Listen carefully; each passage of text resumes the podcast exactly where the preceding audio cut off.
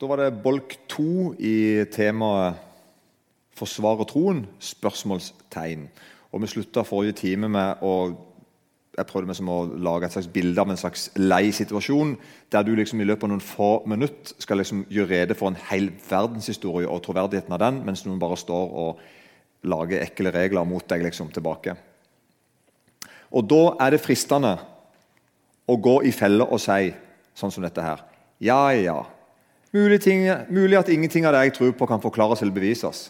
Men, men. Jeg tror nå bare jeg, da. Det er feller mange ønsker at du skal gå i. Kjære Jesus, vær her fortsatt med Den hellige ånd, for navnet ditt skyld. Amen. Og Så kan vi da sitte der, vi enkle og av og til litt skjønne religiøse. liksom. Bli vist vekk en slags klump for oss sjøl som litt sånn dumme og rare og gamledagse. og alt mulig sånn. Det blir litt sånn som i avisen Dagen her for bare noen få dager siden. Her er det et bilde av en sak som lå ute på dagen.no um, 16.4 i år. Der, her er det bilde av russepresident Joar Helgaas. Han er president for ca. 500 kristenruss i Norge nå. Og han skriver, han skriver, til avisen Dagen og sier troen min er verken uopplyst eller fordomsfull. Han har nemlig lest Elin Sebjørnsen sin artikkel i Bergens Tidende, der hun skrev om religiøse generelt, faktisk, men særlig kristne. Og Her er et bilde av den saken der, som sto da i, i 13. april i Bergens Tidende. Så sto denne saken her. Fint bilde av Elin Sebjørnsen. Ei dame på ca. min alder, ser det ut som, som med overskriften 'Religion er gammeldags'. Og så er under tittelen 'I en multikulturell nasjon er det håpløst gammeldags å tviholde på kristendom'. Så fortsetter hun. Religiøs tro og praksis følges omvendt proporsjonalt av utdanning og opplysning. Det er vel egentlig en fin måte å si at kristne er teite på. Eller noe sånt. Eh, når utdanningsnivået går opp, går antallet troende ned. Skriver Elin Sebjørnsen i avisen Bergens Tidende 13.4.2021.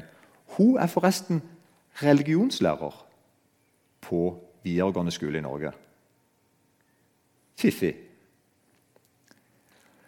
Elin Sebjørnsen videre da, religionslæreren, ser ut til å mene at Torbjørn Egner du ikke kjenner han, er like viktig som Moses og deg. Og jeg siterer videre Kardemommeloven er både, er både like viktig og like riktig. Å være grei og snill og ikke plage andre er allmenne verdier. Læreren i språk, samfunnsfag, og religion og etikk fortsetter.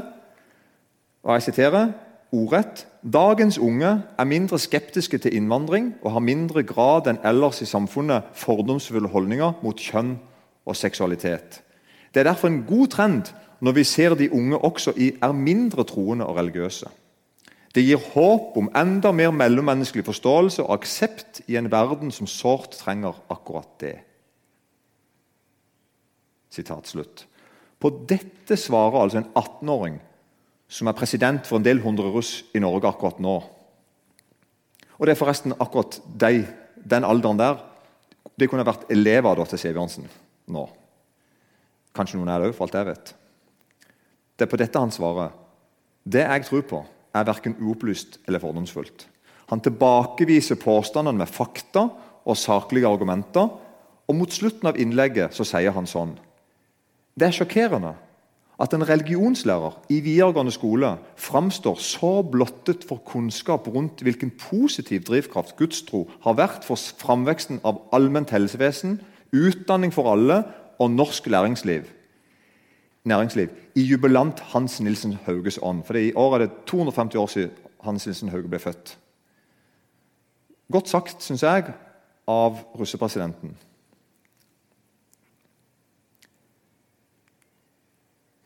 Hva hindrer unge mennesker i å tro på Gud?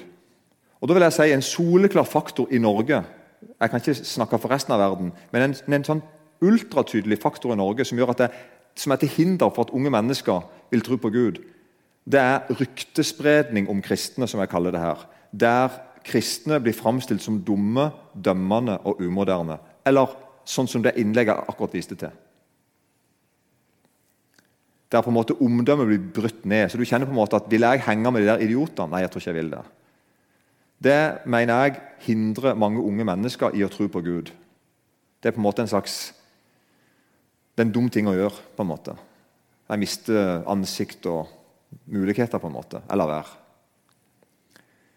Det er, en stor det er en stor undersøkelse. Det er faktisk den største undersøkelsen som uh, meningsmålingsinstituttet Barna Group noen gang gjort. Det er en kristen, amerikansk kristen meningsmålingsinstitutt som har gjort tidenes største undersøkelse for alderen som er logosalderen, på en måte vi sikter mest på.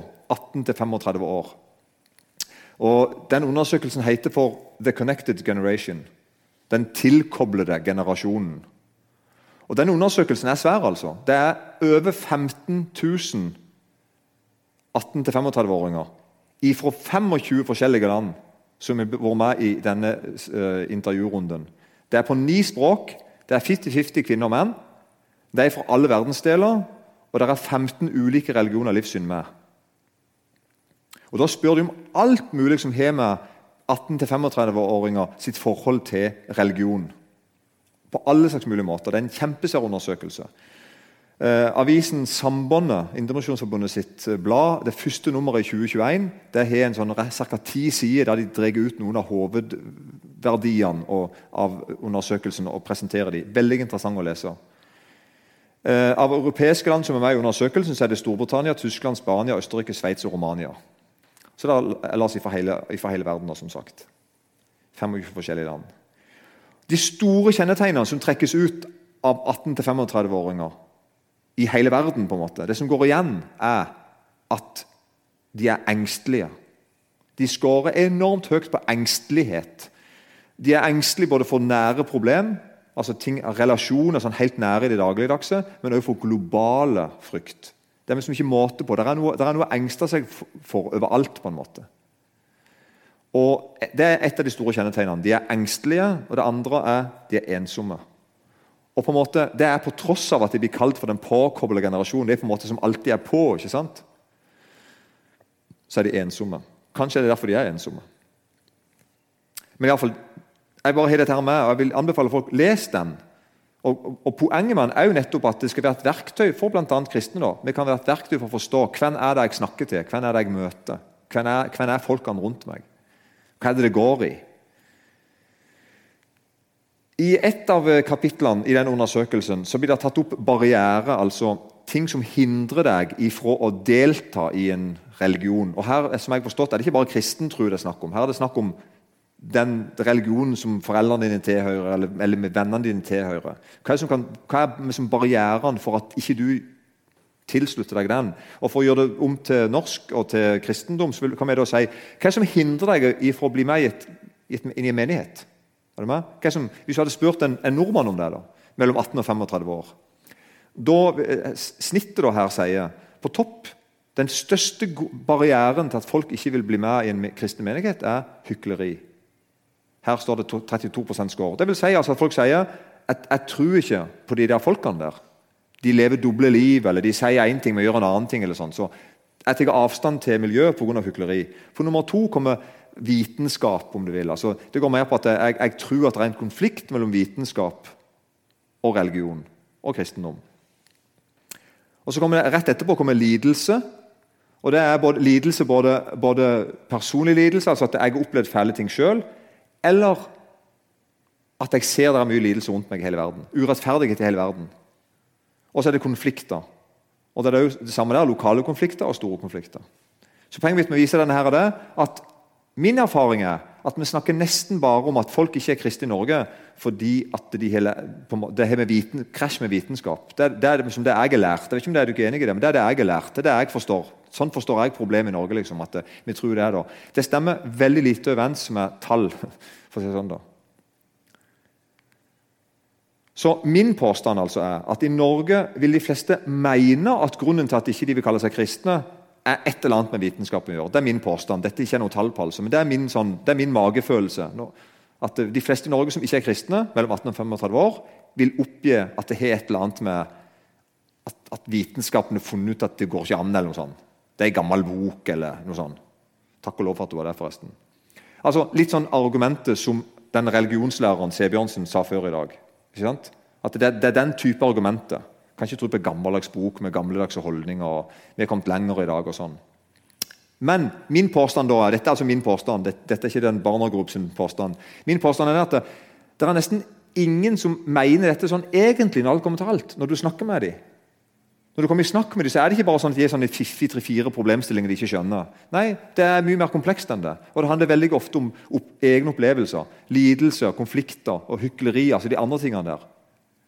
Det er min opplevelse, og det tror jeg er mange andre sin opplevelse òg. For det første så viser jo denne undersøkelsen at det er bare 31 eh, som oppgir vitenskap som grunn. Så Det er som mitt argument nummer én. Det er ikke, det er ikke 90 liksom. Og for det andre, Når du snakker med folk om deres vitenskapelige tanker, så kommer en ofte inn på helt andre ting. Og Dette sier jeg ikke for å disse de som faktisk lurer på ting, men tvert imot for å ta folk på alvor. Ofte begynner samtalen med et eller annet sånn vitenskapelaktig problemstilling. ikke sant? Og i løpet av samtalen, hvis du er åpen for det, så hører du at det, det var egentlig ikke det de lurte på. Det var bare en måte å si på. Det var, lovlig, det var et lovlig problem å ta opp. liksom. Og Når du begynner å snakke med hører du, har du et personlig forhold til det. Er det noe her du lurer på? Og så tar ofte historien en helt annen retning. Så jeg sier ikke dette her at Hvis folk kommer med et vitenskapelig problem, så skal du le av dem. Sånn, det er ikke det jeg mener. Men ta dem på alvor og hør om hva du egentlig lurer på. Derfor kan du si at De store utfordringene om hvorfor mange ikke er kristne, det vil jeg si er eksempel, Jeg kjenner ingen kristne. Altså, Jeg er ikke kristen, for jeg kjenner ingen kristne. Jeg er ikke venner med noen kristne. Så hvorfor skal jeg bli kristen? liksom? Det er grunn nummer én for mange, tror jeg. Bare sånn helt elementært som det. Hvorfor går ikke du i menighet? Nei, hvorfor skulle det? Jeg kjenner jo ingen der. Sant? Eller jeg er ensom. Altså, jeg er alene. Jeg opplever, eller som sagt, jeg opplever kristne som er hyklerske. Eller jeg opplever mye vondt. Og så videre. Mange opplever mye vondt av folk som kaller seg kristne og jeg opplever mye vondt i kristne miljø. Og spørsmål som hvor er Gud henne, hvordan kunne han tillate at det, det skjedde Og så videre. Dette er de store tingene.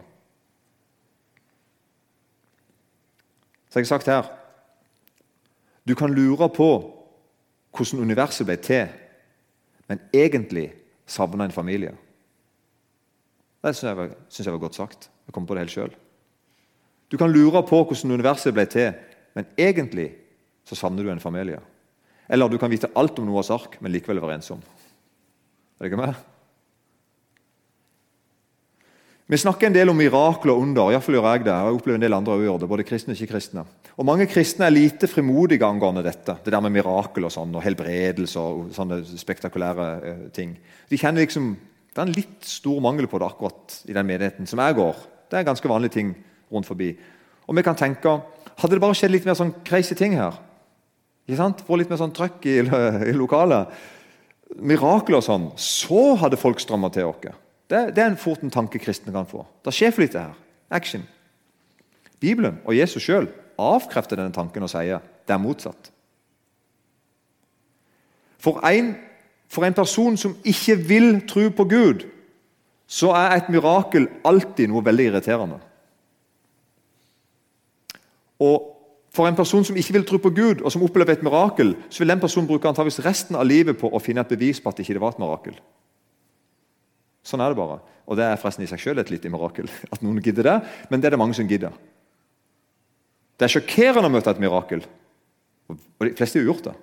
De fleste jeg kjenner har gjort det mange ganger. kristne og ikke kristne. De møtte et mirakel, ting som ikke går an. Et, no, ikke sant? Vi kaller det for englevakt. Står på VG og NRK. Alle snakker fortsatt om englevakt når folk ikke døde i ulykker osv. Så sant? sånn er det. Og da er det noen som kjenner på jeg skal gjøre det jeg kan for å bevise at det iallfall ikke var et mirakel. Sånn er det. Men det er noen mirakler som vi kristne ikke orker. Det er noen mirakler som vi kristne ikke orker. Det er f.eks. kjærlighet og familie og tilgivelse. Det skal jeg bare si litt om. Det er ikke sånn helt tilfeldig valgte ord. Dette er miraklet i det norske samfunn. Kjærlighet. Da mener jeg skikkelig kjærlighet. God, gammeldags kjærlighet. Omsorg. Er ikke med? Eller familie. Det er at du kan se på noen som bror eller søstera di. Eller være en mor eller far for noen. Og Ikke minst familie som i menighet, og tenke at vi er alle Guds barn og vi er en familie. Og, og tilgivelse. Det er at du kan ta en person som faktisk har gjort noe galt, og så si det, det går an å begynne på nytt. Det går an å komme ut av en ond sirkel til meg òg. Det går an å omvende seg. Det går an å bli venner igjen. Det går an å, få tillit på nytt igjen. Dette her er mirakler som verden trenger så til de grader. ikke sant? Men de, de miraklene her de kom liksom ikke sånn dumpende ned i fanget på oss utenfra. Det ser vi jo. Og på en måte, Vi vil heller oppleve et mirakel som blir påført oss, på en måte, enn selv å være et. Så folket Dette er min påstand. da, Folket, folket lengter etter det største underet på jord. Og Jeg tror ikke de spør etter det. Jeg tror ikke de, Hvis jeg hadde spurt dem hvor lengter du etter, så hadde ikke de sagt det jeg nå skal si. Men jeg, jeg tør å påstå det for deg om. Og Det handler litt om det første jeg sa om kjærlighet, familie og tilgivelse. Folk, all, Alle undersøkelser viser det, altså. At folk trenger dette her. Folk trenger noen som ser dem, og som bryr seg, og som forstender dem, og som har omsorg for dem osv. Kjærlighet, familie og tilgivelse. Og Da kjenner jeg at ok, hvis det skal skje, hvis Gud skal få lov til å gjøre det miraklet der jeg bor, der jeg er, så koster dette meg noe. Det skjønner jeg jo. Så hva er da verdens største under, jordens største under? Guds menighet. Eller Kirken, eller Guds folk, om du vil. Men la oss si Guds menighet. Og Da kom jeg på en, en sang som eh, Kanskje ikke sunget den sjøl én gang, liksom, og hørt den åtte. Men det er bare en veldig kjent sang. Det er en ekstremt kjent sang, skrevet i 1942. og Han heter sånn 'Guds menighet er jordens største under'. Det heter sangen. Sånn begynner sangen. Guds menighet er jordens største under. Og Så fortsetter han sånn. Mens verdens skikkelse i hast forgår Skjønner du ikke det? Altså Her nede på jorda, her, det som vi ser, de daglige tingene, de, de, de, altså de varer egentlig ikke lenge. I hast forgår de. Altså, Mens verdens skikkelse i hast forgår, er Kristus i all evighet den samme. Og hans rike på sin klippe står. Mens verdens rike stiger og de synker, går Kirken mot fullkommenhetens vår. Ganske sånn pompøst skrevet, 1942, av Ronald Fangen. Og Ronald Fangen han er ikke en hvem som helst. Han var altså, han er født i 1895, og han debuterte som forfatter da han var 20 år og har skrevet en haug med, med, med, romaner og essay osv. Han var formann i forfatterforening, Nordisk forfatterforening, f.eks. Og, og han var med og stifta den kristne dagsavisen Vårt Land, i, som ble stiftet i 1945. Så døde han i 1946 i en flyulykke, tror jeg. Og Han var med i oppstarten av KrF. En enormt samfunnsengasjert mann. Dedikert type. Og Hvis du slår opp i det norske store leksikonet, så står det litt mer om, om han. altså om, om en stor stor produksjon av store verker. Og så tenker med et lite sitat her. Hans uredde holdning brakte han i nazistisk fengsel som den første norske forfatter. Der satt han da i ett år i fengsel. Papiret som ble smugla ut av fengsel, ble utgitt i 1975. Han hadde sett så den, Denne teksten er veldig preget av krigen, selvfølgelig, når nasjoner virkelig kommer og går. Han altså, hadde sett dette her. Guds menighet er jordens største under. Mens verdens skikkelse i hast forgår, er Kristus i all evighet den samme. Og fast Hans rike på sin klippe står. Mens verdens rike stiger og de synker, går Kirken mot fullkommenhetens vår. Bra skrevet av en bra mann. Og så er det altså motsatt av det jeg og deg tror. Altså, Det er motsatt av det jeg og deg tror. Det vi kan se og ta på akkurat nå, det som vi tenker at dette er iallfall sikkert og dette er iallfall fast, det er nøyaktig det som foregår. Det varer ikke. Og vi vet jo vi vet jo at ting går opp og ned. Vi vet jo, Hva er det vi så i undersøkelsen? Folk er, folk, er, folk er engstelige. Hvorfor det? De vet at dette er sant. Det er ikke sånn at det som er så sikkert og trygt som jeg kan ta på og telle og vege og måle og forholde meg til, som jeg opplever som veldig sånn Dette er trygt. Det er ikke trygt. Og du vet det jo. Og Derfor er du òg engstelig. Det varer ikke. Derimot sier da Ronald Fangen at Guds rike varer, og vi går imot en, en fullkommen vår. Vi, vi går ifra seier til seier. Det skal bli bedre. Og det vi ser vi ser alt ut fra vårt jordiske perspektiv. på en måte, og Det er, usta, det er ustadig. Vi vet lite her nede. Og det, Jo eldre han blir, jo mer tror jeg en ser det. Og Gud vet det, selvsagt. vet han det. Og Han forteller det til oss og sier mitt rike det er det som skal bestå i all evighet. Du er en evighetsvandrer. Det du tror at du kan stole på her nede, vil i hast forgå. Satan vet det òg, og han er livredd for at du skal få tak i det. Verden, er det ikke mer verden, mener jeg altså, de ikke-kristne, verden, de ler. Og det må de for så vidt bare få lov til å gjøre. Men Guds folk kan faktisk miste oversikten der i latteren som runger rundt bordet. Guds folk kan begynne å diskutere ditt og datt, hvis det er et ord ikke er med på. Altså fjas, tull. Miste fokus. Miste oversikten over det. Det er vi som vet hva som er det største underet. Det er vi som vet hva som egentlig står fast til evig tid. Så Vi kan diskutere opp og ned, men ofte så bommer vi. De du snakker med, vil ikke bli fornøyde med dine gode svar fordi spørsmålene er tomme. Se deg rundt. Hva er fortellingene til de som blir kristne? Seriøst. Hva slags vitnesbyrd er kristne blader fulle av? Er det at noen resonnerte seg fram til Edens hage? liksom? Les ei bok om det. Seriøst. Jeg anbefaler ei bok nå, ganske ny, utgitt av Ove Eikje, som har vært eh, journalist i Dagen i mange år og er forfatter av flere bøker før òg. Jeg har iallfall lest minst ei av den før.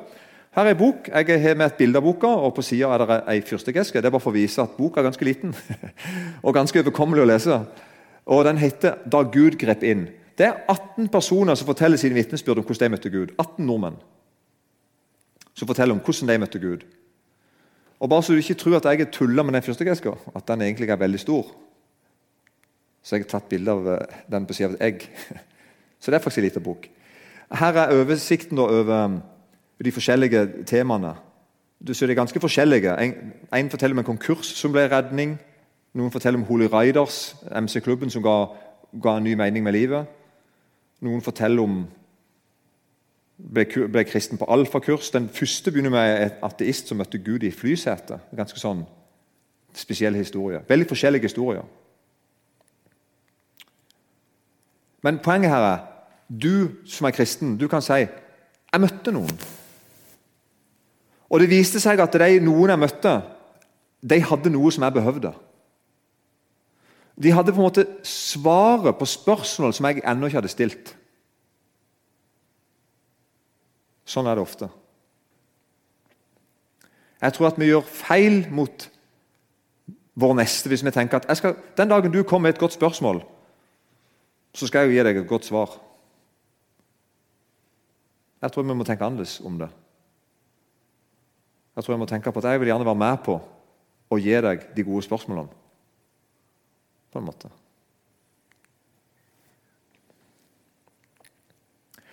Og Det er så mange som stiller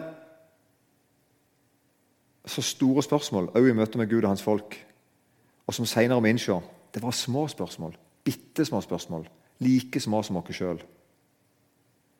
I møte med Gud så får vi store spørsmål. Da mener jeg store, positivt store. Altså de kjempeviktige, svære, svære det det egentlig dreier seg om. Mye vitenskap i dag bruker sitt fagområde til å avfeie Gud, som om Gud vi som er i deres fagområder. Og Vi stiller spørsmål av typen 'Hvor kommer Gud fra? Når tid er han født?' og hvor, hvor, hvor, sånn. For sånn, sånn, tenker vi. Så små er vi. Så, vi er ikke noe annet å spørre Gud om enn sånne spørsmål. Og Mens vi da stiller spørsmål ved det skapte, så kunne vi stilt spørsmål som var mye større. F.eks.: Hvorfor fins noe overhodet? Det er et større spørsmål. ikke det? Hvorfor finnes noe i det hele tatt? Og Hvorfor eh, er det vi gjør, det hele tatt begripelig for oss? Hvorfor finnes det fornuft? Hvorfor, hvorfor, er jeg interessert i at ting skal være fornuftig? Hva er logikk ifra? Og så videre? De store store spørsmålene de uteblir. Og så nøyer vi oss med å svare på de små. Og Derfor vil jeg si noe til mine kristne venner. Jeg vil kritisere noe. Og Det jeg vil kritisere, er når du som er kristen, altså, legger opp til en sånn kunstig samtale med noen som ikke følger Jesus. Det er et, er et ordtak eller en sånn en, ja, det, er ordtak, det, er ikke, det er ikke et bibelord, for å si sånn, men det er et gammelt ordtak som jeg har lært hjemme.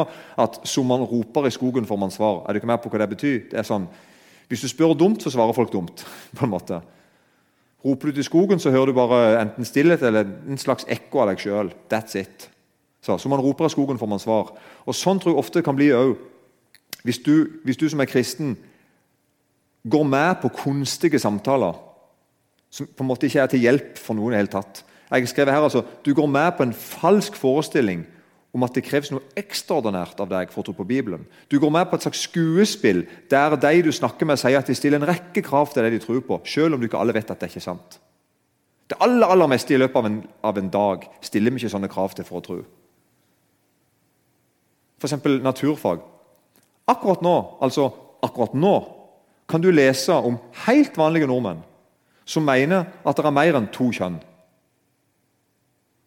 Eller at mor bør hete fødeperson, siden det ikke er forbeholdt kvinne å føde. De, blir, de som sier dette, her, blir stort sett møtt med forståelse og i veldig stor grad enighet. En og annen rikspolitiker tør å stille spørsmål ved om dette er saklig innafor å mene, om dette er noe vi skal lære barn og unge, om, det, om dette vi skal rulle ut i familiepolitikken i Norge. Det jeg lærte i naturfagstimene på 80-tallet, er i dag oversett. Få argumenter, stort sett kun følelser. Litt sånn typen Få fram en person som er det vanskelig, og la denne personen bestemme over alle oss andre og over biologien. Dette er klima i Norge nå. Det aller meste funker uten argumenter av typen 'det strider mot ditt' og 'det strider mot datt'.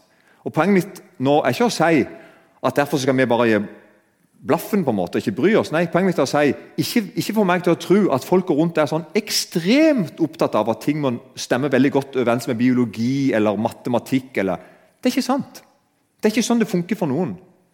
Og Skru på hvilken kanal du vil, hvor tid på døgnet du vil, så, så har jeg fått svaret mitt bekrefta. Så Det meste funker uten argumenter av typen 'det strider mot ditt' og 'det strider mot datt', men ikke i Bibelen. Den blir møtt av snusfornuftige liksom-skeptikere som gir et inntrykk av at de ikke kan tro på noe som ikke er bevist. eller lignende. Her har vi kristne en jobb å gjøre. og Det er dette jeg kritiserer oss for. Altså hvis vi, hvis vi, på en måte er med på å lage et scenario at vi lever i et land der folk er ekstremt godt utdanna og ekstremt opptatt av å finne sannheten, og ting går opp i et regnestykke og Hvis ikke du er det, så tror du ikke på det. Og de er bare, Alt det de gjør, er preget av en veldig sånn rasjonal måte å leve på. Det er ikke sant. Du vet det. Du er heller ikke sånn. Vi lever ikke i ei tid der folk nesten ikke tror på noe som helst. Er det ikke mer? Vi lever ikke i en tid nå der folk nesten ikke tror på noe som helst. Vi lever i en tid der folk tror på nesten hva som helst. Og Sånn sett da, så deler bibeltruende mennesker, kall gjerne kristne, altså folk som tror på Bibelen, de deler denne bekymringen med mange bibelkritiske mennesker. Altså en, en gode, gamle ateister. Som, som, er enige og sier at, at, nå tror folk nesten på hva som helst. Før trodde de på, i fall, på ei bok og på en teologi, og de hadde en trosbekjennelse, og ting hang på greip. Nå tror folk på hva som helst. Og det er helt riktig. Det ser ut til at vi må innse noe. Når bibelsk tro ble drevet ut av samfunnet, for det er den blitt, så kom overtrua tilbake. Gudstrua ble ikke erstatta av fornuften fordi at de to var ikke uvenner. Vi trodde at gudstro er, er strider mot fornuft, så nå hiver vi ut gudstro, så får vi fornuften tilbake. Men når vi heiv ut gudstroa, så forsvant fornuften òg. Det viste seg at de to hørte sammen. Og vi oppdager nå i denne stund at fornuften vår behøvde Gud. Dette er viktig. Historien gjentar seg. Bibelen forteller oss at sånn er det hele tida. Og nå til slutt skal jeg bare lese litt fra Salme 106. Det er ganske lang salme. Jeg skal ikke lese hele, hele tatt. Men det er vanvittig bra salmer. Der salmisten minner eller ja, Du kan høre selv når jeg forteller, altså, men Jo bedre du kjenner bibelhistorien, jo bedre blir denne salmen å forstå. selvfølgelig. Der, der Bibelen minner om ting som skjedde før. Historiske hendelser. Og så på en måte setter han det i en kontrast. Vi begynner sånn i Salme 106, vers 7. Våre fedre i Egypt akta ikke på dine undergjerninger altså Guds undergjerninger. De huska ikke dine mange nådegjerninger, men var gjenstridige ved havet ved Rødehavet. Men han frelste dem for sitt navns skyld, for å gjøre kjent sin veldige kraft. Han trua Rødehavet så det ble tørt. Han lot dem gå gjennom dypene som i en ørken. Han frelste dem av hans hånd som hata dem, og forløste dem for fiendens makt. Vannet dekka dere motstandere, ikke én av dem ble tilbake. Da trodde de på hans ord. De sang hans pris. Men snart glemte de hans gjerninger. De ventet ikke på hans råd, men ble grepet av ond lyst i ørkenen. De frista Gud i ødemarken. Da ga han dem det de ba om, men sendte tærende sykdom over deres liv. Og de ble misunnelige på Moses i leiren og på Aron, Herrens hellige. Jorden åpnet seg og slukte dataene, skjulte Abirams rop. En ild satte deres flokk i brann. Flammen fortærte de ugudelige. De gjorde en kalv ved Horeb og tilba et støpt bilde og de bytta sin ære bort mot bildet av en okse som heter gress. De glemte Gud, sin frelser, som hadde gjort store ting i Egypt. Undergjerninger i Kams land. Forferdelige ting ved Rødehavet. Sånn går årene. Sånn går historien. Sånn går det i Norge òg. Kjære Jesus, vær her hos oss, hos ditt folk, og gi oss frimodige gir oss trygge på hva vi tror på. Takk at det går an å stole på ordet ditt og stole på det som har skjedd. Takk at det går an å bli overbevist om ting. Så ber jeg Jesus om at vi må være det der største underet på jord. Jeg ønsker å være en del av det. At folk kan si at når jeg møtte han, og når jeg møtte deg, så møtte jeg, møtte jeg Gud. Amen.